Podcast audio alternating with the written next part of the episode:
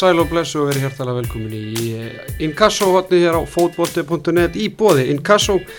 Þetta er podcast sem við ætlum að bjóða upp á svona á og til í, í, nei, í sumar þar að segja og fara aðeins yfir stöðuna í Inkasso-deildunum. Ég hef komið tvo góða gesti ynga til minn í, í stúdíu, þetta eru þeir Baldvin Már Borgarsson,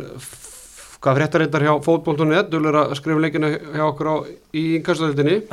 blæsaður, og síðan eru við komið Úlf Blandon, þjálfara þrótt úr vónum Blesaður Afblæsaður, takk fyrir. Herri Strákar, eh, nú ætlum við að ræða einhvers og til Karla hérna í, í góðan haldtíma eða svo. Sínist með hvað við erum búin að setja það saman hérna fyrir hann þátt. Þetta verður nú bara rúmlega það. Mm -hmm. en hérna deildin er farin að stað. Kannski bara svona ykkar teika á það bara hvernig ykkur finnst deildin hafa að fara af stað. Byrjuð þau kannski úlur Herði, mér finnst hún að hafa farið bara vel að stað. Hérna, svo sem kannski ekkit sem kemur óvart fyrir mér er þetta kannski þrískipt deilt svolítið, við erum með, erum með þessi toppfjöli sem eru í rauninni í, toppáratu núna, Keflavík, Vikingur, Fjölnir og Þór sem að ég allan að gera fastlega ráð fyrir að þau svona aðskilis aðeins frá, frá hinulegunum, svo er þetta kannski sæti frá 5-11 sem, sem er það í þessu miðjupakka og, og, og allir geta unnið alla og virkilega skemmtilegu fókbólti þar oft á tíðin líka og svo Magni sem er svona eh, allavega fyrirfram og það sem maður hefur síðan um hinga til eða kannski aðeins erfitt uppdráttar og, og hérna en, en þeir björguðu sér vel í fyrra og, og ég held að þetta komur svona með, með seindiskipunum hjá þeim mm -hmm. Baldin? Ég er bara samanlega sem að Úlfur segir og að þetta er svona fjara liða toppakki sem að keflingarnir eru búin að byrja mjög vel, eru með ungt og sprækt lið Ólasíkingar setja í rauninni allt sett í þetta og sækja fullt útlendingum, fá Stefán Þó Pálsson fá eh, Ívarörn frá Káa, flotti leikmenn sem hafa gert vel og spilaði í eftir dild fjölinsliðið er náttúrulega greiðilega gott og vel mannað og ef að, að pappir að myndi spila fókbaltaleiki þá náttúrulega ætti þeirra að vinna þessa dild en það er ekkert gefið í þessu. Svo erum við þórsarana það sem að stefna náttúrulega bara setja á eftir tvö sætin og þriðja sæti vonbrið og allt fyrir neða það bara óbáðilegt veit ég að norðan. Mm -hmm. Ef við bara undum okkur í að, að byrja að tala um liðin og bara byrjum á botninu þar sem við, við byrjum að tala um lið Magna sem er eina lið án stiga með hérna, markatörluna 3-11 eftir þrjára umferði þar segir náttúrulega bara seitt að, að þegar þú farið á 11 mörg þá er þetta ekki að ná í alltaf mörg stig og það er nú bara verið staðrænt hjá Magnamönum þeir er náttúrulega að vera að fá mikið til sín svona, svona bara rétt fyrir mót og jáfnvegilega eftir að móti hefst og einhver af þessu leikmenn sem hafa komið tilbaka maður hefur ekki séð það á, á skýslu hjá þeim eftir að koma þannig að maður veit ekki alveg hversu mikið bara hversu mikið þeir ætla að vera með í sumar en hérna magnamenn þeir, þetta er erfið byrjun þetta er náttúrulega að byrja bara því að hvað er tapað fjögur eitt um átta leikni í fyrstu umförðvaldinu Já, já og ég get nú bara svo nefnir að þeir fá hana leikmenn til sín og fá til dæmis Daví Rúnar en Palli Gísla sæði mér að bara sjálfur eftir fjölinsleikin þegar ég talaði við hann að Daví Rúnar er ekkit að fara að byrja að æfa fyrir til þrjár, fjóru vikur því hann er í einhverju ferð mm -hmm. bara eitthvað að leika sér. Þannig að maður veit ekki hversu mikið hann getur gefið þeim í sumar ef hann er ekki eins og að æfa hópaldar sko. þannig að ég held að þeir séu ekkit í allt og góðu málum fyrir, fyrir tímanbilið en þeir náttúrulega tapa hana fjögur eitt fyrir leikni og þrjú eitt fyrir keflag og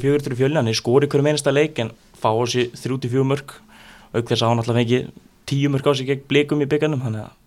þeir þurfa eitthvað að styrkja varnarleikin mm -hmm. Það lítur ekki drosalega vel út? Nei, ég held ekki að það sem að kannski háurum aðeins er, er líka sóknarleikurinn hérna, maður veit að Gunnar Örva kom sendin sem var bísna sterkur fyrir það í fyrra og hérna ég heldur að við reikna að fá fleiri sterkari leikmenn frá Káa ég veit að, að þeir voru að býða mikið eftir sjá hvað kemi, kemi þar frá þeim og, og hérna þannig að en, en, en, en þeir séðast að ránaði með hópin mm. og, og hérna treysta þessu mönnum til að klára þetta þannig að þeir ljóta alltaf sér það Magnumenn hafa sannilega blóta, blóta þegar Guðan Pétur fór í, í blikana þegar það horti, horti í það að geta fengið fleiri leikmenn í Káa ef Káa hefði styrt sem er þannig að þetta er svona Það er svona helst í hendur. Já, ég held einmitt að það sé málið sko. Ég held þeirra að við reikna með að fá fleiri leikmenn hérna, sem að hefði geta komist beint í byrjunlegu hjá þeim heldur en, en, en þeir fenguð. Þannig að þetta er svona þetta allan lítur ekki alveg nógu vel út í öðum en það er svo lítið búið að, að það er eiginlega ekkert að marka þetta svona fyrstu fyrsta raunni sko. Mm -hmm. Nei, ég, ég get nú bara staðfist aðeins og Úlfur segir að þeir vonislega svo betri leikminn ég hitti Gíslagunnar í heitapottinum í Akureyra um páskana og þá sagða með það bara að þeir reiknuðu með það sem við fengum núna, þeir reiknuðu með sterkari leikmenn þeir voru að horfa til leikmann eins og Ímis aftur og fleiri aðnaða kálinu. Og það var blóttaka fyrir þá og Guðin Pötur hafi farið þannig að þeir þurftu að halda kannski aðeins fleirum hjá sér sjá sína möguleika káminn Það stert hjá að fá náttúrulega Bjarni Aðarsteins aftur sem var bæði bestur og efnilegastur hjá Magnaði í fyrra og svolítið svona kemur óvart að káa leftum að fara aftur. Já, en eh, ég fór um þetta pæli með hann sko, hann rosalega góður og Magni að spila honum á miðjunni, fremstu á miðjunni en hann var að spila allan veturinn hafsend hjá káa þryggja manna línu og, og káa menn þá sögðu við mig að þeir byggust ekkit við að láta hann fara því að hann var bara að spila vel í hafsend en svo náttúrulega fer hann aftur og það er náttúrulega hreikulega upplugtur í Magna en maður veit ekki hvað hann getur gefið mikið. Nei, maður veldi líka fyrir sig sko þegar menn er að flakka svona mikið á milli sko. Út, út fram og tilbaka í sig hverju liðinu hvað hva gerir þetta fyrir, maður sé samt eins og eins og leikmann eins og Aró Dagur markmaðurinn hérna góði sem að fór, fór í völsugi fyrir að spila allt síðan kemur svo tilbaka og er feikilega sterkur. Ég held að hérna maður má ekki að flakka mikið. Mm -hmm. Herra, við vindum okkur aðeins í, í þróttarana. Kannski sjokkar þetta að sjá þá aðeins með eitt stig eftir þrjára umferðir og búið með tvo heimalegi til að, til að byrja með. Þannig að svona eitt stig er nú ekki mikil stig á sömnum Nei, ég held að og maður svo sem skilur alveg þeirra stöðu þeir eru búin að vera í svona krísu. Það má vel að segja það, bæði bara svona stefnuleysi, við veit ekki alveg hvert er að fara og, og hérna og eins og, og Þóraldur segir að svona, þeir að leita identity hjá sér. Ég held að, að hérna fyrsta hjá þeim sem þeir þurfa auðvitað bara að laga kannski varnarleikurinn að vera kannski þéttara tilbaka og finna, finna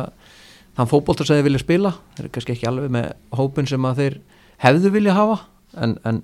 klálega með fullt af efnilegum leikmönnum og, og, og gróta sínið hann nú bara, þeir eru ekki með þekktustu nöfnin en, en, en hérna búin að búa til gríðalega stertlið og, og velþjálfaðir þannig að það er allt, það er ímislegt hægt mm -hmm. ef, ef að viljinu fyrir hendi og góða ræfingar og allt þetta, þannig að það er að gera allt Það eru kannski líka að byrja fyrir nýjan þjálfara að byrja ekki betur en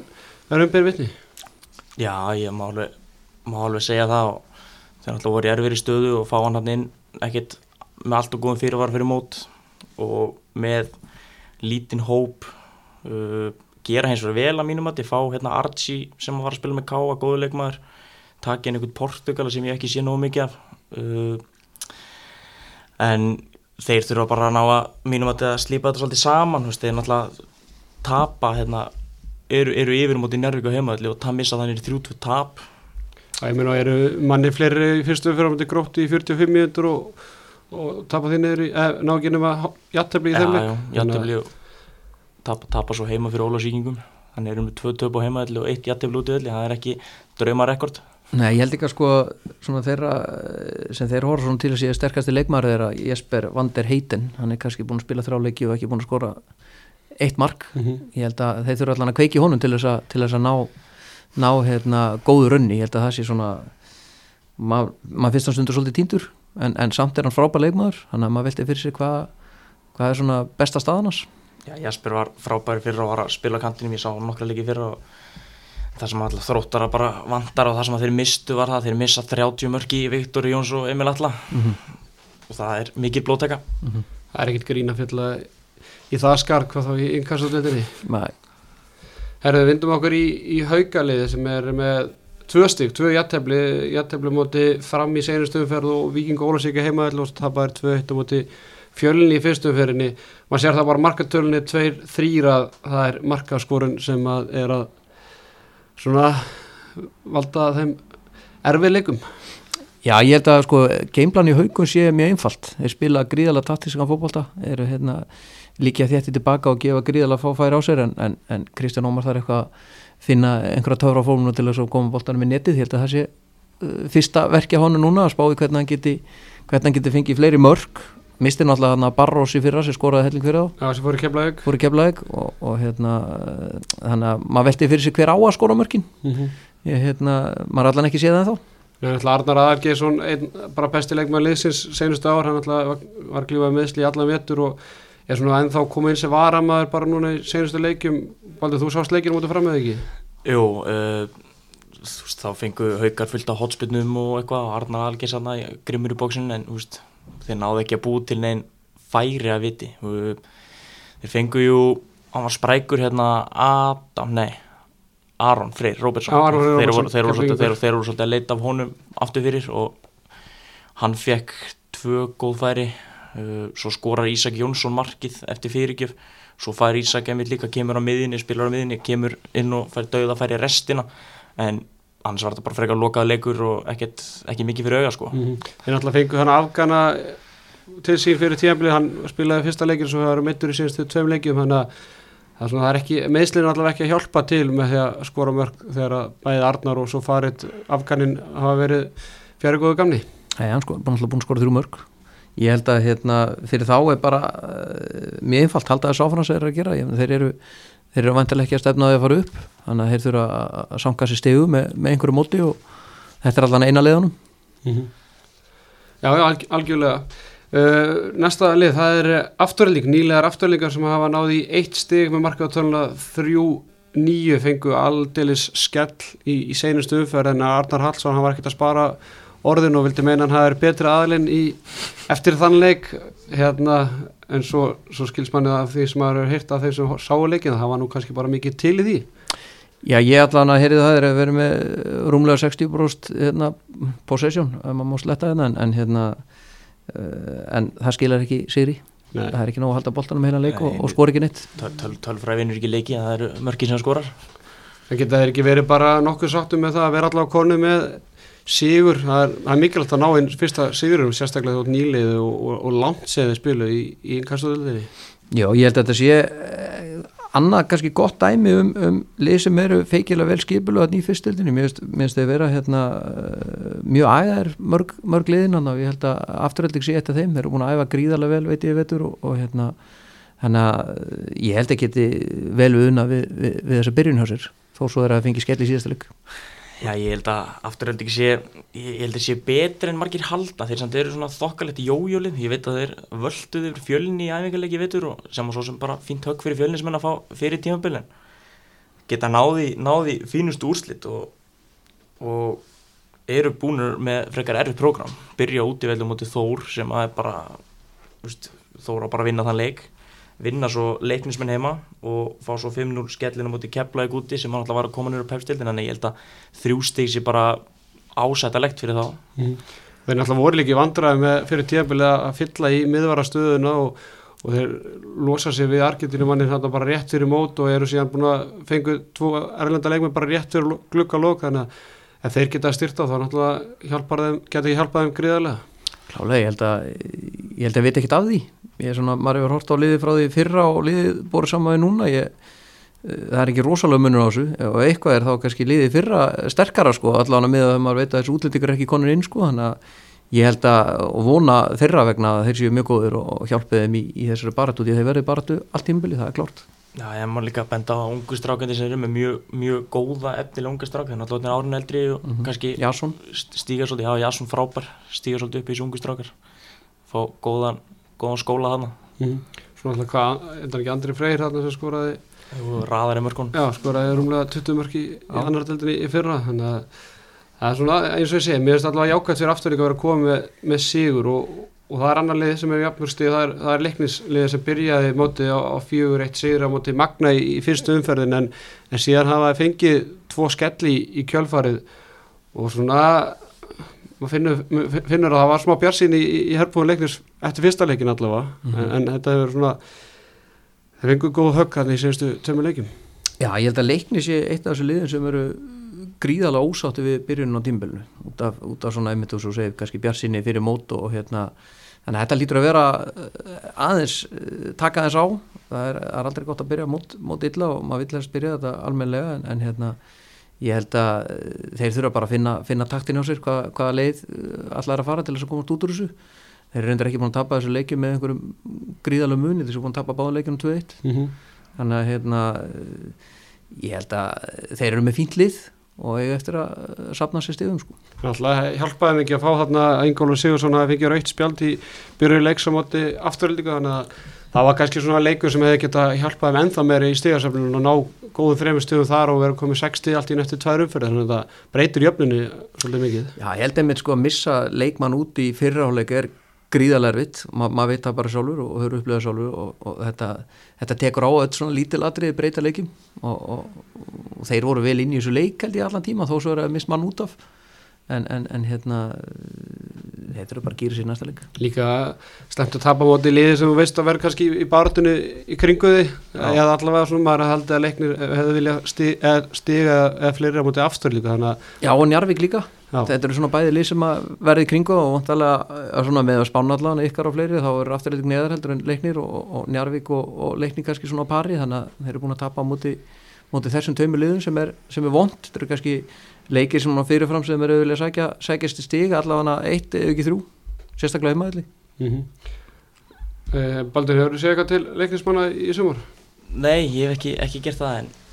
en sá þá aðeins ég veitur og húst, þeir líta bara ágætlega út og fengu, fengu mjög góða stráka frá Káir, efnilega unga stráka, Stefán Otni og Hjalti, virkilega, virkilega spennandi leikmenn sem að ég held að geti gefið, gefið leiknismönnum alveg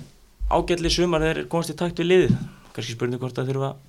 spila það saman, það koma bara ekkert löngu fyrir glöggalokk. Mm Svo er náttúrulega aðri nýlegar í, í gróttunni sem að eru þarna í rétt fyrir ofan með, með fjögustíg leiknur og afturlík með, með þrjústíg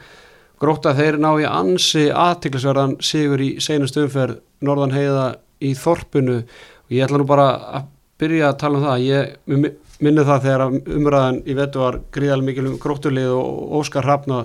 þá sagði, ég man ekki hvar það var en þá sagði einhver góðum aður já býtu bara þegar þeir fari í þorpið. Og þeir voru komin í 2.5 minútur þannig að ég, er svona, ég, ég hlóa eins þegar ég, ég sá þessa stöðu þarna. Að það var alltaf já býtu bara þegar stóra prófi kemur þegar, þegar þessi ungi stráka fari í þorpið og, og góðan daginn er það 2.0 lifir og, og bara sigur, örgusigur Já, já, það er, það er yfirleitt talið stórt próf að fara norður í þorpið og þórsarar vilja náttúrulega taka bara fullt úr stiga þar enda með ágæti skrifi og og verið grimmir undanfærin ár. En grótan mætir þetta bara og konur í 5-0 eftir, nei 2-0 eftir 5 minntu fyrir geðu og, og þórsarar voru veit ég bara mjög reyðir Greg vinnu minn, hann var alveg koll geðveikur í hálfleik í stöðinni 2-1 minnum mig. Uh, tekur Dino Gavris út af í hálfleik og og ég veit að, að Dino sjálfur hann sendi, sendi bara Lísvöldunum afsökunarbyrni til leik. Framistan hefur verið það slöki í þessum leik og orri fær svona alltaf raukt sem að gerir leikin aðeins erferi fyrir Þórsara en virkilega góði þrjú punktar hjá Óskar Hrafnufjörlu og þar. Mm -hmm. Úlfur, þetta er þú þekkir eitthvað til þarna á, á nesinu? Já, já, ég, Óskar líka góð vinnu minn hann að hérna, ég veit alveg hvað þessi stráka geta þeir eru náttúrulega, maður er búin að fylgjast vel með þessu og spjallað oft við Óskar og, og hérna ég hef allan að fulla trúa að hann geti farið að það norður og ná sér í, ná sér í stígin sem hann, sem hann langaði í og maður langar alltaf í þrjústík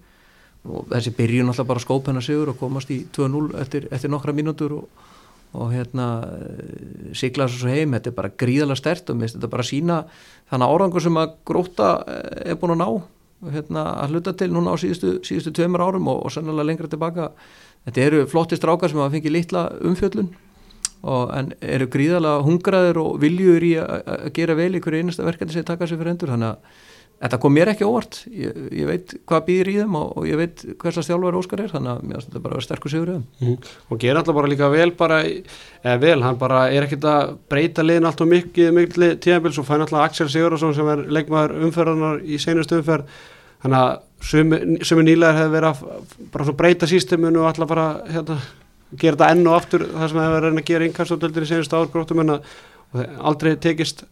neitt. Nei, nei, ég held að einmitt, ef við byrjum á Axel þá hérna sá ég hann spila á móti fylki og, og, og fannst hann gríðalega sterkur, þá var hann á kantinu, við held hann að vera á sendundum á móti, móti, móti Þór núna og, en, en feikilega spennandi leikmar hann hérna og vonandi, vonandi fyrir hann og gróta hann hefur þrega frábært tímabill mm. en, en gróta eru bara flottir, eru vel þjálfaðir og standa fast í sínu humundafræði og og, og hérna þetta gekk vel hjá mig fyrra þannig að tímabilið hefur farið líka ágætla staðan og þessi gott hjarteblið hann í, í, í, var ekki fyrsta leik. Mm -hmm. og, og, og svo núna sterkar þrjápunta þannig ég held að það er ekki lóð þar að vera breyta einhverju þegar, vel gengur. Það var engin að búast í því að þeir myndu fara á einhverju fljúandi startin í þetta mót en þeir hafa gert það þannig að er bara mjög ágætt. Og líka bara eins og það segjum liðin er náttúrulega bara í stegasöfnun í upphæðum móts og mikilvægt fyrir að ná sigri hérna í, í þriðji umferðinu og hvað þá mútið þóra útvelli því að ég manna ef allt hefði verið eðlilegt og, og þóra hefði bara unnið þann leik þá væri grótt að bara meðan þá eitt stíð eftir þrjára umferðir þannig að þetta var gríðal mikilvægt. Já, þetta er, þetta er ósað fljótt að breytast. Ef þeir eru tapað þessu leik þá hefur þeir litið eitthvað ill út í döflunni Já. og svo vinnaði leikin og lítið alveg svakalega vel út. Þetta er bara þetta er ekkit ósvipað og, og, hérna, Óli Kristjáns var að vitni eftir leik í gær. Það er, það er, það er stutt á milli að vera sko skúrkurinn eða sá sem er elskaður. Mm -hmm. Þannig að hérna, mér finnst þetta að vera svolítið gott að með það, þú fer norður og nærðir þrjú stig og þá gengur allt alveg svakalega vel en ef hann hefði tapað þá hefði þetta verið illa og menn hefur farið að tala um að, að, að, að þetta litið út fyrir grótu, það er stutt á milli. Herðu, framarnir, þeir eru með fjögustu einni með markantóluna 5-5 gerir jættefla móti haugum í, í seinustöfum fyrir á, á heimavall en, en það er svona fyrir utan kannski grótu, grótu þórs sigurinn þá náttúrulega einn úrslitin það er náttúrulega sigur fram á móti fjölunni í annari fyrir henni mm -hmm. Já, ég, ég held, að, held að það sé svona eftir á higgja fyrir fjölinismenn bara smá klúður. Þar sem ég hef heyrt að þeim, ekki sá hann ekki, ég hef heyrt að þeim leika fram á þrjárn martilunir og, og þeir, þeir ára inni og ríkala öflug punktur af þeim og það sem að ég sá að fram núna gegn haugum, þá veist mér nonni bara að vera að vinna freka flott starf með hann hóp veist, hann er að nota leikmenn sem eru eins og uppaldi framar eins og Jökull Steinn strákur sem er búin að vera í þriðju og annar deild undanferðin ár með KVF og Einherja og þú veist, bara flottur leikmaður. Hann er náttúrulega með þessa stráka sem að vera Helgi Guðjóns og fleiri og þú veist, bara mynda, mynda betra lið heldur en ég átti von á. Og búin að sækja fjögur stig voru í rauninni klaufar á móti haugum að lenda náttúrulega manni færri og gera jættubli þar á heimaðalli þannig að ég mér finnst þetta fínt, fínt, fínt verkefni á framöru sko, að þeir, þeir líta ágætt lút ég samála því, mér finnst- fram mér finnst þeir, þeir eru búin að koma mér aðeins óvart. Ég, hérna, mér finnst eh, ég er búin að sjá leiki með þeim og mér finnst þeir einmitt vera sko þeir fara svolítið á sama plan og mótirarnir ef þeir eru að spila á móti góðu liði þá eru þeir góðir. Þeir eru að spila á móti eh, slakarliði sem á kannski ekki toppleik þá fara þeir svolítið á þeirra plan. En násamt einhvern veginn að sigla þessu heim. Þannig að mér finnst þeir svona að vera þeir eru, mér finnst þeir vera svolítið feskir og, og svona gaman hjá þeim núna, búin að fá stúka í Safamýruna og þetta er svona þetta er náttúrulega eitthvað sem þurfti, stemningin er í Safamýrinni, þannig ég held ég sé að vinna þetta svolítið á henni með svona heima uppöldustrákum og, og fá fólkið í Safamýruna, þeim líður vel þar ég veit að þeir æfa þar, ég var náttúrulega sjálfur þetta, þannig að maður, maður veit svona hvernig andurslótt er þarna. Og ég held að þetta er eftir að skila þeim svolítið í sumar, allavega einhverju til þess að byggja á, á næsta árum, ég held að það sé alveg klart mm -hmm. Svona legar Orra Gunnarsson inni sem hefur ekkert spilað í, í sumar en, en þú kemur að heimavallin var þetta ekki bara eina sem að þurfti til að hjálpa fram að komast aðeins upp í töflinu og gera þetta bara Jú, fallegra. Jú, ég held að þetta sé bara akkurat það sem þið þurftu ég held að flestir innan félags að vera vel þreyttur á því að vera á lögutursvöllinu að sé frábæð öllur en, en það finnst öllum gaman sérstaklega þeir sem að er að spila á móti sem að, að hérna, byggja kettnum annað gaman að koma á, á, lögutursvöllinu að þú ert ekki búin að spila oftar. Þannig að þetta var svona ekkert að hjálpa þeim í öllu að hérna, undirbúningi öru þannig að þetta er ég held að þetta verði algjörlega eh, algjörð bara líkiladriði fyrir það og komast í samirna það líður öllum með hana. Saman hvort þú ert stuðnismæður eða, eða, eða, eða, í liðinu eða í kringu liðið. Já, ég er alveg sammála úlfið þarna að þetta svolítið fyndið það eins og þeirra framvar að spila á lögutarsvelli að veist, mótir ánum á ekki að hlakka til að koma að spila á mótir að þeir eru að fara að spila á einhvern geggjum þjóðarleikvangi sko, þú átt bara að senda það í fram heimilið með, með risstort logo og, og sína hvert út mættur sko. Og eins og segir, stúkan í konana, þetta er orðið flott búið að gera þetta vel og það var stemming, það var fullt af fólki í stúkunni þegar ég var að textalýsa leiknum þeirra móti haugum þannig að ég held að stemmingi sé eins og segir, hjartað er í Safamýrinni og þeir eru mættið nága mm og Helgi Guðjónsson kannski náttúrulega byrjar með tömur mörgum í fyrstu tömur leikjunum og, og Arna Guðlaugsson tala nú bara opiðskátt um það að vikingarnir væri að reyna að gera allt til að fá hann en það gekk nú ekki eftir hann sagði bara þá reynum við bara við hann aftur í júliklíkunum á ef ekki júli þá haust. Já, Já, Helgi Guðjóns er, er öflug leikmar, maður fylgist mikið með honum í yngirflokkunum, fljótur og, og hérna, fylgin sér. Það verður gaman að sjá hversu langt hann ára þessu tímbili, allavega með þau svona andrúrslóttir sem er í fram núna þá eru ungu leikmennir að fá tröstið og, og, hérna, og ef ungu leikmennir fá tröstið þá, þá, þá, þá fá þau fullt af sjálfstöðstu með. Þannig að ég held hann eftir að og vona hann eftir að vera góður í sumar Það eru njarðvíkingarnir, þeir eh, sitja í fymta sæti með 6 stíg, við svona setjum þá í pakkan hann að neðri pakkan svo tölum við aðeins um hérna, topp fjöguglugan á, á eftir en njarðvíkingar þeir eru með 6 stíg, Rapp Markus Vilbersson, er hann ekki að gera bara kraftaverk hérna í njarðvíkinginni? Já, hann er með leikmenn maður þekkir nú aðeins til hann á Reykjanes Reykjanesun eftir að vera búin að þjálfa hann maður veit að, að þeir leikmenn sem hann er með í liðinu þeir eru allir, að, þeir eru allir á sama, sama vagni og hann og, og vilja fara í sömu átt og það er allir á,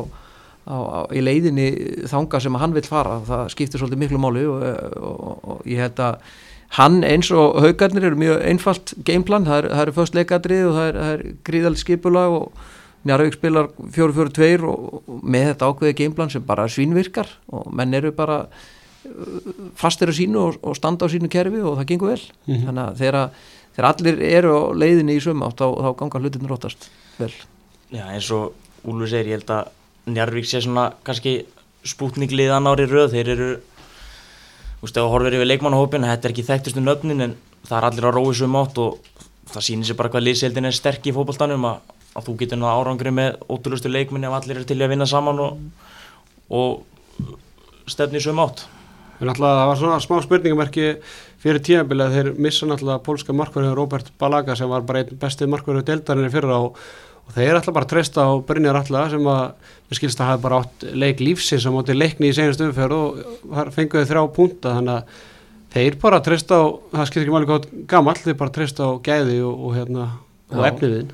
Mér finnst þetta að vera svolítið lýsandi fyrir inkassotildinu núna það er, það er rosa mikið að liðin sem er að treysta svolítið á ungu leikmennar sína og menn eru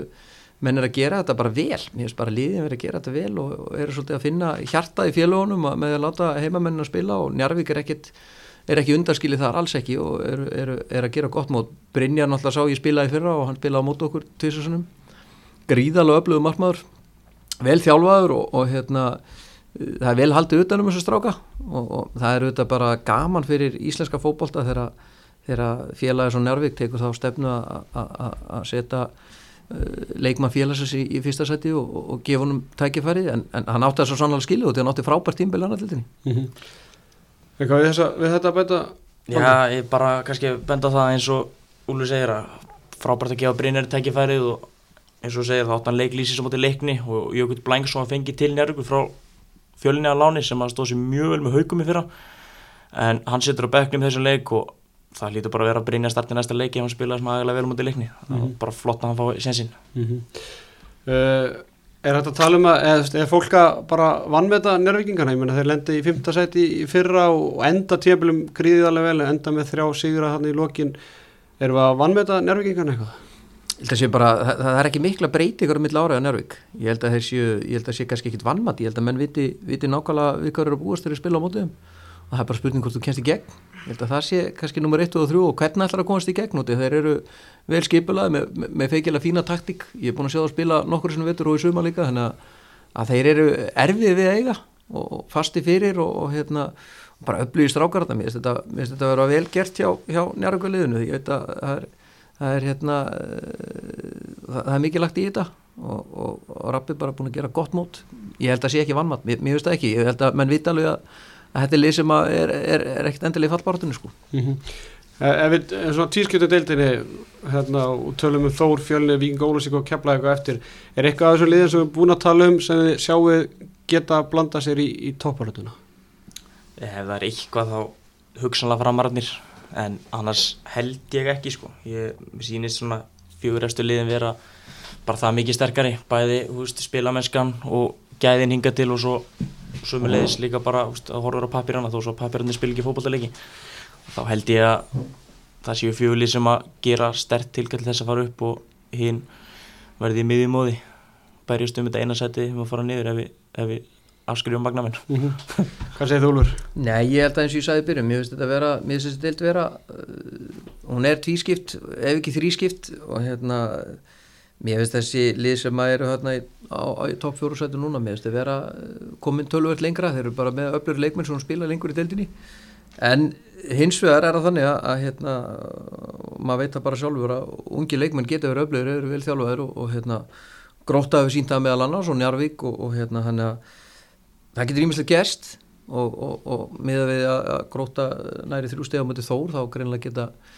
öll liðunni alla, ég held að, held að það sýnir sjálfur, hann að en svona fyrirfram og, og svona það sem maður hefur síðan þessu leiki þá finnst mér uh, ólíklegt að einhver önnu leysi að fara að blanda sér í toppáratan á, á, á þessu, það er bara spurning hvort að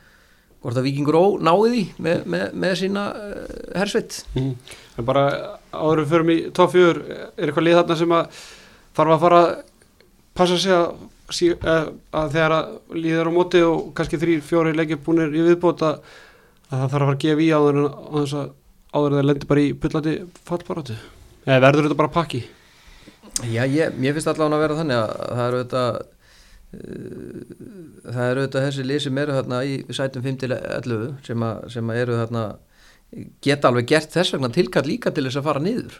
þannig að þú getur verið bæðið miðdeild og fara niður þetta er svo svakalega jaft og margir að vinna eftir sama móteli, ungi leikmenn og maður hefur séð hérna, þessa stráka sem eru þarna er, þetta er svona meiri, meiri fótbolti og, og, og þetta er svolítið, þetta er, mér finnst það mjög áhugaverð deild núna á, á þessu ári, sérstaklega út af þessu en, en ég held að maður sé nú ekki að fara að dæma neitt niður eins og staðan er akkurat núna að, en, en Magni er klálega í basli en, en hver ætlar að vera með þeim hann ég, ég er ekki að sjá allan eins og staðan núna. Það er auðvitað að segja til hann að ég spurning hvernig þróttararnir ná að púsla tjastla sér saman núna. Uh, svo hef ég smá áhyggjur af leiknismönnum þeir eru búin að tapa núna fyrir tveimur liðin sem að verða í kringu þá ásamt því svo að vinna magnamenn sem að er áttu, áttu bara að gera. Þannig að ég veit ekki það er vont að segja, það er ekki hægt að ákveða núna hvað, hvað lið verður í basli en úst, eins og Úlfur segir, mörglega að spila ungum mönnum uh, ungi strákar eru oft úst, ekki með nógu mikið stab, stabil svona balans það er ekki nógu hérna orðið dótti úr mér. Stöðuleiki Stöðu, Stöðugleiki, já. stöðuleiki, já, það er ekki, það er ekki nógu góð stöðuleiki oft í ungu strákum þannig að það geta öll lið í rauninni eins og gróta unni þór og svo tapa fyrir liðinu kringu sér sko. Herra, þá förum við í þorpið, förum í, í Þór, við náttúrulega töluðum aðeins um þá í, eða áður þegar við vorum að tala um gróttu, gróttu en þeir náttúrulega byrja mótið bara nokkuð stert og á tveimur góðum sigurum en, en tapa sína móti, móti gróttu, hvernig hafa svona þórsarnir litið út? Og ég meina, sumi vilja meina að þeir eru bara að fara garantít upp. er alltaf með gríðalega öflugum framherja og ég held að ég held að eh, svona, ef maður ætti að meta þórslið með hvernig hvernig svona eh, þessi gróttuleiku var þá nálguðust menn kannski verkefni ekki alveg nú nægilega mikil virðingu en, en, en þó svo hefur örgulega pott hétt reynd að kera það inn í þá sko en þeir eru klálega með gríðalega öflugt lið og, og, og, og hérna sérstaklega framherjarnir hafa mjög góður og svo eru líka með sterka vatnalínu hann að Mér finnst þeir vera eh, svona fyrirfram hefði maður fundist þeir ásamt fjölni líklegastir. Það var svona þegar ég var að hugsa um, um deildina áður að fóra stað, hvaða lið myndi maður halda að færi að ætti að fara upp. Þá, þá var ég allan með Þór og, og fjölni eftir á mínu bladi. Þannig að ég ætla að halda með það. ég er alveg sammála Úlfur þar að ég held að ég held að Þór og Fjölni séu heilt yfir sterkustu liðin og eigi að fara upp en eins og, og Úlfur segir að þeir eru kannski ekki nálgast grótverkinu nógu mikill virðingu og ég held að þeir hafa fengið skellin á móti Dalvik reyni í byggarnum og þeir myndu taka þessi verkefni alveg full on en það er ekki nema tveir leikir þarna, séu leikir á millu og svo fáðu skellin á móti gróttu þannig að það er spurning hvort að Greg þurfa að fara að berja í hausinu á mönnum og þeir þurfa að mæta 100% alla leiki. Mm -hmm. þeir eru með, eins og Úlfur segir besta frammerinn í deildinni, Alvar Monti og frábær leikmaður. Svo eru þeir öflur, Þóri er alltaf Þór og það hafa alltaf verið Þór þeir eru ógeðslega erfiðir að, að mæta og úst, þeir mæta og berjast og djöblast og hlaupa og vinna fyrir hvern annan og bara leiðilegt lið að mæta maður eh, segir eins og er sko þannig að það kemur pínu óvart að, að þeir séu búin að tapa fyrir nýlið með deildinni En það er svona breytir því ekkert kannski að þeir eru alltaf að fara að vera í þessari toppáratu en þeir þurfa alltaf að, eins og ég segi, bara virðingu fyrir öllum anstæðingunum. Já, ég held að þeir vera alltaf í tóprátt, ég held að það sé alveg klart. Ég held að hérna, þeir hafa bara ekki náða að gýra síðan leik nógu vel. Uh, ef þú hérna, lendur undir á fyrstu, fyrstu fimm minnunum þá, þá er eitthvað, það er eitthvað undarlegt að lenda 2-0 undir. Þú ert ekki búin að setja það í, í rétt standa ára en leikurinn byrjar og, og, og, og það er spurning hvort að hvort að það sé að þurfa að fara að kíkja eitthvað á hvernig undirbúningur var fyrir leikinin í klefa eða eitthvað slíkt, ég veit ekki neitt með það sko en, en hérna að byrja leikin að lenda 2-0 undir á- með, með þetta öflutlið, það, það lítur að vera smá skellur. Mm Vindum okkur í, í þriðja seti, þar eru sitja fjölninsmenn sem náttúrulega fjall úr Pepsi-deldinni í fyrra. Náttúrulega mistu eins og bara flest lið gera, missa líkilmenn en hafa verið að fá leikmenn tilbaka þegar fengur Rasmus til dæmis að lán og svo Elís Rapp Björnsson seinast sem áttu vist bara stórleik í seinastu umferða eh, með fjölni. Þeir eru með 60 eftir tapaðan á móti fram í annar umferðinni. Hvað sigur á móti haugum 2-1 sem var nú ekkert ekkert, ekkert íkja fallur brjóðspönduleikur svo vinnaður fjölin, nei Magna nokkuð samfærandi í, í, í síðastu umferð. Fjölinsmenn þið, þið nefndi það bara aðan að, þið spáðu þeim upp. Já, ég held að það séu bara eins og þór með gríðalega sterkan hóp. Hérna, búin að taka þessa tvo leikmenn sem þau tóku núna rétt fyrir lokklukka sem eru sterkir. Og fyrir, fyrir er þau bara með mjög gott lið. Þannig að það kemur verulega óvart ef, að, ef þeir væri eitthvað að mistiga sér mikið og með reynslu mikið þjálfara, þjálfara í ása og, og hérna og svona bara þeir, þeir þekkja þetta, þeir eru búin að fara uh, upp í pepsitildinu nokkur sem áður og, og líka með ása að hann, hann kann greinlega formúluna og ég held að ég held að hann sé alveg með þá þannig að ég hef trúið að þeir fara upp um deild. Ég finnst það svona en ef maður rýn í byrjunni þá er hún ekki bara á pari? Ég held að, að þeir ekki er, er ekki búin að mistiga sig það mikið að, að, hérna, að þeir þurfa að hafa einhver ég held að þeir séu bara á, réttir leið það tekur, tekur alltaf smá tíma að móta liðið og, og, og hérna en, en Elisa, frábær leikmar að spila, spilaði með fylgjumar oft síðan, þjálfaði líka þegar hann var yngri sko.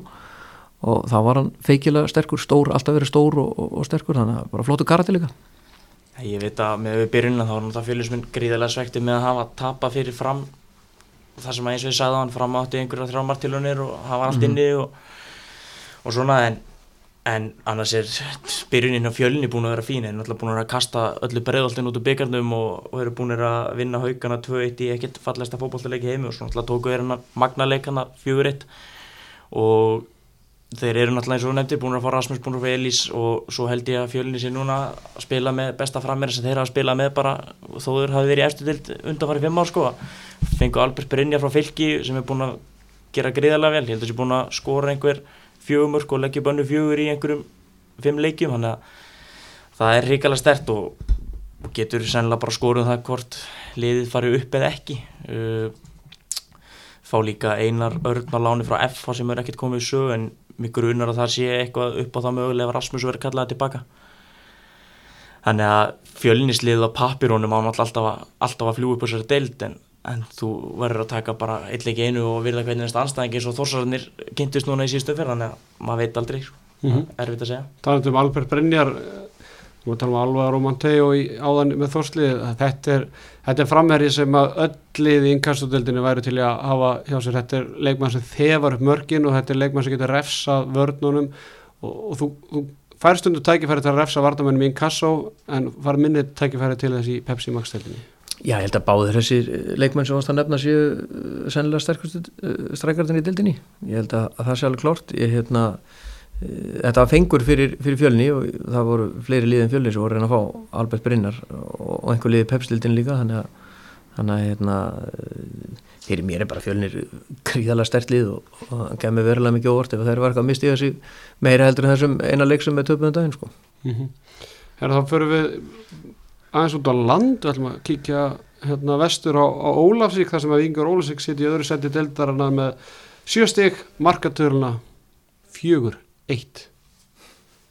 Eyjup hann er að smíða enn og aftur til alveru lið. Já, er einnig ótrúlega hvernig, hvernig hann fer að þessu. Hann fætti sín tíu leikmenn okkur einast ári og býr alltaf til feikjala gott lið og greiðla með gríðala stert net af, af, af, af hérna, leikmennum sem hann getur eða einhverjum sem hann getur leita allan til til þess að fá leikmenn út af því að hann virðist alltaf ná í nógu góða leikmenn til þess að vera í toppáratun í, í, í þessari inkassodild og, og, og hérna en hann hefur kannski ekki alveg náðu nógu góða leikmenn til þess að vera í, í, halda sér í pefstildinni þannig að, þannig að mér finnst þenni eh, ótrúld hvernig hvernig, hérna, hvernig hann næri þessu eftir ára eftir ára að vera í, í tóparáttuna, verist eins og núna ég er búin að sjá leik með um þessu tímbili, það verist verið eins og það sé þannig að ef hann langar í jafntefli og næri í jafntefli og, og, og, og það fer ekkit neðar en það allan, hann er ekki að fara mikið að tapa þannig að, þannig að svo reynir hann að sækja en hann, hann spila hann alltaf sín fókbalta og það var gaman að það er gaman að sjá að spila, þeir eru taktistýr og, gríðalega agaðir og, allir einhvern veginn verðast bara smelt passa alltaf inn í þetta mótel sem, sem hann er með höstum á sér. Já, ég ætla að gera þarna markalega stjartilhundu haugum í annan umfjörn og vinna síðan þróttarana átöðalli í hérna senustu umfjörn 2-1 mm. þannig að þeir ná alltaf, þeir eru tviðsabun að skora tvö mörg, þannig að já. þráttur að markatalan síni nú bara 4-1 en þeir eru búin að halda hreinu núna í tveimur af fyrstu þreimur leikjunum og eins og segir hann ætlar að búa til nýtt lið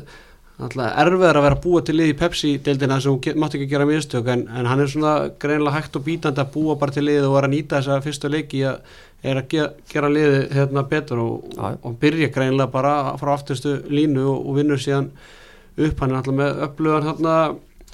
Jakob, hvað heitir hann, Jakob Andersen sem er Dani, hann ætla að skora í, í, í þróttarleiknum og það er kraftur í honum, hann, hann getur greinlega að skora mörg Já, og svo náttúrulega eins og hérna Baldvin tala með hann, hann fær náttúrulega hérna Stefán Pálsson og svo náttúrulega Greta Snæði sem var að spila í færiðum í, í fyrra, þannig að eins og segja, þetta er bara glænýtt lið og ótrúlegt og bara jákvæmt fyrir Ólsar að vera komið með sjö stig mér, mér finnst það, ég, mér finnst einmitt bara aðdónuvert hvernig, hvernig, þetta er, hvernig þetta, þessi formúla gengur upp ár eftir ár eftir ár eftir ár, hann, hann er með, með sína taktík og hann spila náttúrulega greiðlega mikinn varnabólta, það, það er klárt og, og hérna, greinlega góður að leggja það upp og, og, en, nærsamt í stígin og, hann er að vinna marga leiki 1-0 eða 2-0 eða 2-1 eða eitthvað svona, fær lítið af mörgum á sig og skorar ekkert sérstaklega mikið en, en, en skilar alltaf þremur stígum og í minnstallagi einu. Þannig að það, það er þetta formúla sem gengur vel. Það er sóti líka Ívar Örn Átnarsson var að káa, leikmann sem að, ég veit að Magni vildi mikið fá og, og hefði klárlega getað notað, spilað þær í fyrra, en hann alltaf er takmarkar, þar sem hann er út í skóla og verður farinn um miðan ágúst, en mér langar líka, kannski pínu skemmtilegt að nefna eins og Úlfur sagðan að þetta tengslanett sem að EUP hefur náttúrulega ótrúlegt, hann býr til hverju einasta ári og alltaf með tíu nýja leikmenn og hann er alltaf ótrúlega máragri og hann alltaf sækir, það er ekki svo þessi tíu serba sko, hann er með hérna Króata, hann er með hann er með sér ljóni A- hérna Af, Afrikumenn þrjá og Dana og Finna og Englending og þetta er allstarað, ég veit ekki alveg hvað kontakt hann er með, það væri fínt fyrir suma kalla að komast í þetta. S- sammála því. Herru, þá er það bara topplið, það er Keflavík með þrjá, þrjú stig nei, nýju stig þrý sigrar, markatörluna 10-2, þetta eru fleiri stig en þeir náðu bara í allt senast sumar Já, mér finnst Keflavík vera ótrúlega spennandi núna. Ég hérna, mér finnst þeir vera uh, í aðhyllist þessa hugmyndafræði sem þeir eru að vinna eftir spila á þessum ungu keflingum og, og, og hérna en, en eru með, með reynslu boltaðna í kringu sig. Ekki marga samt en, en, einhverja en, en hérna þeir eru líka pressa og gaman að horfa og spila. Ég held að uh, Eisteinn og Jankó séu bara að gera gríðalega gott mót og, og, og ég laka til að sjá meira að kefla ykkur sumar, það, það er svolítið mér lakar að sjá hversu, hversu langt komast þeir með þetta. Já, ég held að keflækurliðið er náttúrulega, það er gríðlega gott og þeir eru alveg sínt að vinna afturlendingu 5-0 og eru með fullt úr stiga. En ég held að þeir eru ungir og eins og ég talaði um á með unga leikmenn og stöðuleika þá, þá eiga þær eftir að fá höggin. Og byrjunlið þeirra er til 21 á smeðalandu bara gegnum, gangandi gegnum hópin og þeir eru með elstu leikmenn það er enda einn síðasta leik sem byrjar fættu 92 en restin er svo bara 97 og niður. Fyrirliðin er 2000 mótil sem er bara frábært verkefni og eistöld núni að gera virkilega skemmtilega og spennandi hluti með Janko þarna. Og ég hef mikla trú á þessu en hvort það sé holdt fyrir keflinging að fara upp núna efastjum varandi framaldi Hvað er svona þitt eitthvað það, þálur? á, á þessum búndi, Já, hvort þessi holt verið að fara upp eða ekki? Já, ég held að sé alltaf holt að fara upp. Ég held að uh, engin þjálfari er allavega þannig að hann ætlir sér ekki að fara upp. Ég held að það sé alveg klar og þú sé allir að býða þetta næsta ára þannig að leikmennsjóðin er nógu þróskaði til þess að fara upp. Ég held að það sé bara ekki þannig sko. Þá ef þeir fara upp á þeir bara sækja uh, styrkja hópin um, um tvo, þrjá leikmenn sem að byggja onna þessu ungu leikmenn sem eru fyrir. En, en, en ég held að ég held að sé allt og snemt að spá fyrir hvort þeir verið í toppartinu ekki. Fyrirfram fannst mér að vera spurningamerki meðan þeir vera svona ég var ekki viss hvort þeir eru uppi eða niðri þetta var svona hefði geta bröðið til uh, bekkja vona með þá út af því að þeir eru með unga og spennandi leikmenn en, en ég sá líka spila í vetur þar sem þeir voru ekkert sérstakir en þeir eru að byrja þetta móta krafti og ég held að þegar þú byrjar að mót svona þá, þá er bara uh, er hansi líklegt um að allavega að halda einhverjum takti og ég vona allavega þeirra vegna með að svona hugmyndarfæðan sem þeirra vinn eftir eða þeir verði ofalega töflunum hvort þeir fara upp, ég er ekkit alveg sem það en, þeir eru allavega gott lið. Mm Við sýnist þeir eru búin að vinna fleiri leiki bara í, í deildinni, fleiri að þeir vinnu í allan vetur, bæði fótboltum mótinu og lengjabikandum Já, ég er nefnilega sá að spila í vettur og, og mér fannst þeir svona þeir að að þannig að, að mér finnst þeir vera konir tölvört lengra heldur en voru komnir já, bara í mars apríl og hérna lók mars kannski þannig að mér finnst það eru margir mjög spennandi leikmenn sem, að- sem að verður gaman að fylgjast með sumar og ég, mér finnst eins og ég er búin að segja þetta nokkur mér finnst þetta að vera áhugaður deild í, í, í inkass og í, í sumar sér lagi út af því að það er mikið ungu leikmennum að spila. En bara rétt ára ljúkum umræðinum Keflæk, þeir vinna fram á heimalli 2-1 vinna sér Magna 3-1 og sem afturlíku þarna nýlega lið sem er, sem er bot, er, er sem, sem hérna liggur á, á botninu svo fram þannig að það er aðeins að skoða líka það að með fullur virðingu fyrir þessum þreymur sigurum þá er þetta ekki, er ekki liðin þarna í, í topparötunni Nei, ég held að það sé mitt, þeir, þeir geta byggt ón á þessa góðu byrjun sem eru búin að fara að þeir, hérna, það hjálpaði maður þess að afturhald vil vera með boltan og, og, og keflaði glánir og beitti skindisóknum og skóruði fimm mörg, þannig að það er spurning hvort þeir alltaf vera svo leiðis eða, eða eins og ég gerir áfyrir þeir spila allan á móti Njarvík þá ég að að að þessi að leifa afturhaldingu eins og þeir leiðu afturhaldingu stjórnarleiknum. Mér finnst líklega að þeir allir sér stjórnarleiknum á mútið Njárvík og ég held að það sé svona stóra testi fyrir þá. Ná þeir að stjórnarleikjum og, og hérna, vera með boltan eða, eða, eða henda þeim betur að leikja tilbaka á betur skynsónum ég held að það sé spurningi sem þeir spyrja segða allavega. Mm -hmm. Sjáum hvort að Raff Markus bjóði þeim upp í, í þanndans í, í næstu umferð sem bara hefst strax á á miðugdægin fjórða umferðin í innkassodeldri fyrir fram 50 dag, först dag og síðan er leikum Magna og fram sem fer fram á lögadaginn. Í lokinn þá ætlum við bara að vinda okkur í, í smá spá og spá aðeins fyrir um já, næstu umferð og, og þar byrjuum við bara strax í grannaslag, Njarvík Keflæk sem framfyrir á Njartagsvellinum eða það er nú með þess að búa breytunafn á, á þeim velli mm. en byrjuum bara þar, Njarvík Keflæk Úlur Já, ég held að, eins og ég sagði á hann, ég held að þetta verða eins og öðru í þessu leiku fyrir, fyrir keflaði kældan á móti afturhaldíku, það sem að afturhaldíku vilja vera með boltan eh, helst eins mikið þau geta, en, en, en Njarvík aftur á móti, þeim er eiginlega alveg sama hvort þau séu með boltan eða ekki, þannig að það verður gaman að sjá hvernig keflaði nálgast þennan leik, eh, keflaði spila á móti Magnaði 60 mínutur á hans og skora. Og ef að Njarvík kallar leikja tilbaka og, og hérna, keflaði kallar að hamast á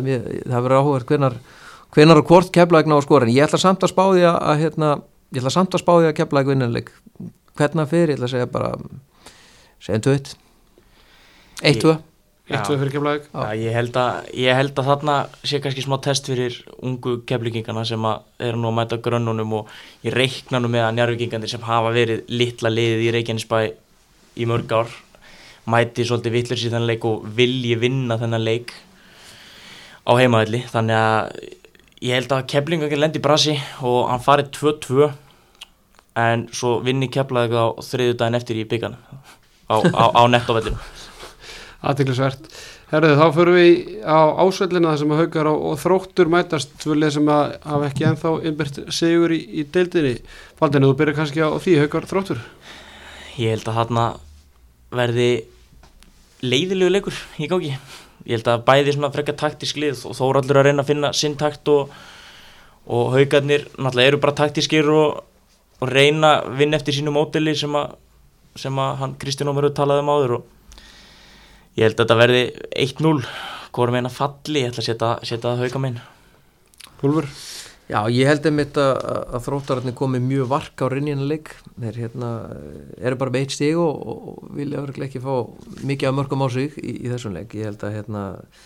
ég er eiginlega bara sammála, ég held að þetta verði ekkert sérstaklega leikur. Ég held að þetta verði bæði liðlíkja tilbaka og þóra litlu og, og svona halda sér aðeins halda sér aðeins tilbaka þannig að hérna, ég ætla að spá því að ég ætla að spá því að þetta fara í aðtefli 0-0 Já, kveitjum alla til að fjölmina þennan leik. Herðu, þá förum við í Mósfellsbæinn, þar er nýlegar aftöldingar sem fá ansi stort verkefni eftir skell í senastu verð fjölninsmenn kom í heimsókn úlur afturleik fjölnir. Já, ég held að finnst líklegt að fjölnir nálgist þennan leik bara eins og kemlaði gerði að leifa afturhaldingu kannski að þess að vera með boltan það virkaði vel í síðasta leik. Það verður forvindilegt að fylgjast með hvort Arnar Halsson breyti einhverju eftir, eftir þetta, hvort að hann ætli að breyti um takt og leikja tilbaka eða hann, hann gerði það nú ekki ekki síðasta leik. En, en, en hérna ég held að, að fjölni vinni þennan leik nokkuð öruglega, ég held að þetta endi eitt rú ég er með aðeins annað teka á þetta. Ég veit að hérna þetta eru tvö lið sem að vilja svolítið spila fókbólta og vilja bæði vinna þennan leik og, og eru, eru minna hrifin að því að verjast. Þannig að ég hérna, held að, að fjölins með vinni þetta og ég heldur vinnið þetta fjögur tvö í markalega en ég hveit fólk að að þanga fyrir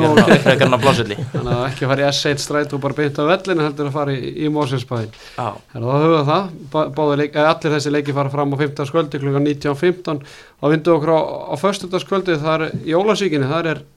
Víkur Ólasík Þór heldur betur stórleiku þar baldin uh, Já, það er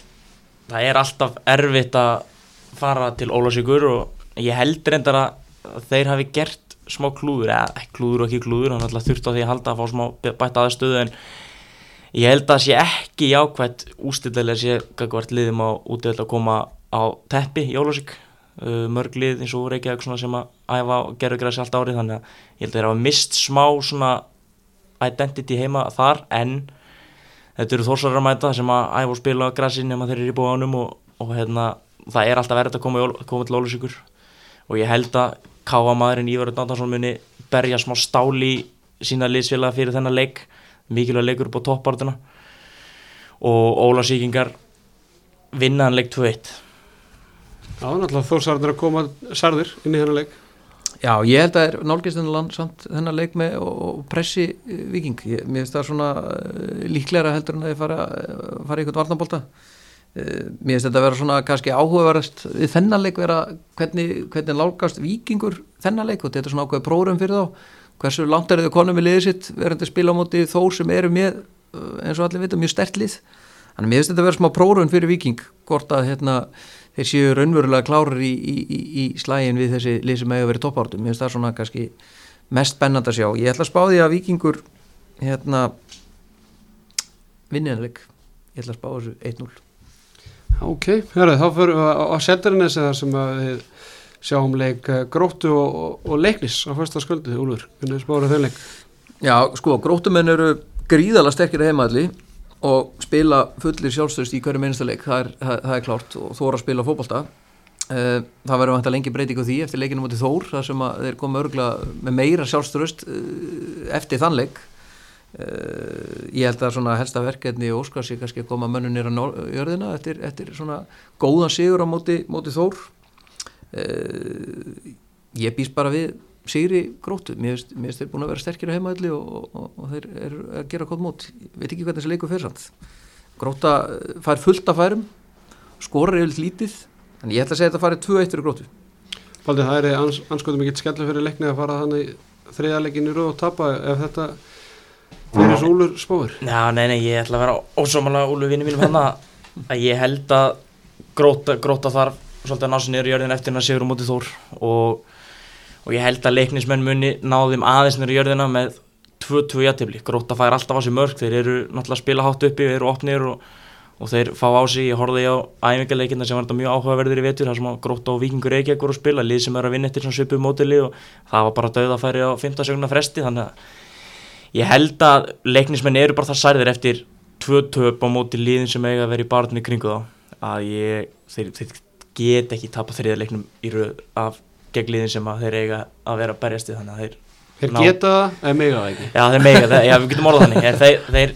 gera ná í 22 jættefli á Seldirarnes Það er þá er það senasta leikari sem við erum farður fram á lögadag klukkan fjögur á, á Greinivíku Magni fram Baldin, hvernig spáður þið því? Uh, nú ætlum ég að gera smá djarfur og, og spá því að vinni mínu fyrir norðan múri fyrir og fái bara á sig eitt mark og geri eitt eitt jættefli framara það er erfitt að fara fyrstileikur Greinvík þetta er, ég held að þetta sé ekki auðvelt þó svo, svo að magnalið sé ekki það besta sem við höfum séð í ennkassadeildinni gegnum áriðna ég held að framarði lenda smá vegg og þeir, þetta verður eitt eitt jættefli Já, ég, mér þetta svona eh, erfiður leikar að spáum, ég held að svona fyrirfram möndum maður halda fram ætti að klára hann leik, ég, hérna, spilaði á móti Magna á undirbúinustímbilinu og, og hérna vandaði reyndar hellingi á þeim en, en, en eins og gengur að gerist. En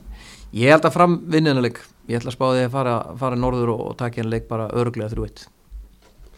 Já, og, og ófarir Magnumenn, Magnumann að halda áfram. Herra drengir, þetta er búið að rákita spjall. Við erum að fara þetta í 55 mínútur hérna. Úlfur Blandón og Baldumár Borgarsson. Ég ætla nú að koma ykkur smá óvart og vera svolítið leiðilegur í lokin, ég ætla bara að byggja ykkur um að spá hérna tömulegum niður og, og tömulegum upp bara strax þetta í, í þriði umferð. Baldin, þú mátt byrja á, á, á fallinu. Mér þykir leiðilt að þurfa að spá mínum önum í magna niður uh, og með þeim þá ætla ég að senda breyðhildinga í leikni. Já, Úlfur, viðbjöðslega spurning. Það er samanlega viðbætti spurning. maður langar ekki til þess að svara þessari spurningu eftir, eftir þrjá. En bara eftir gengi liðan og bara hvernig þetta hefur þróað svona. Eh, Ég ætla allavega að spá þeim sem að fara upp verða fjölnir og, og þór. Mér finnst það líka yfum uppi. Ég ætla að spá magna niður og ég ætla að leiða mér að halda síðast sætinu opnu. Ok, Baldur, hvað er lið fara upp? Það verða það verða fjölnir og, og þór. Við erum sammála þa- þar. Já, ég ætla, ég ætla að vera ósamála en ég ætla ekki að gefa neitt upp. Ég þarf að stjórna þessu þetta í allt sömar þannig að ég get ekki verið að gefa allt og mikið upp. Nei. Herðu, bara drengið, takk hjá fyrir komin og bara, bara takk hjá fyrir þetta. Og vonandi sjá okkur bara báða einhvern veginn setni í sumar þegar línur fara að skýrast ennþá betur. Takk hjá fyrir mig. Takk fyrir mig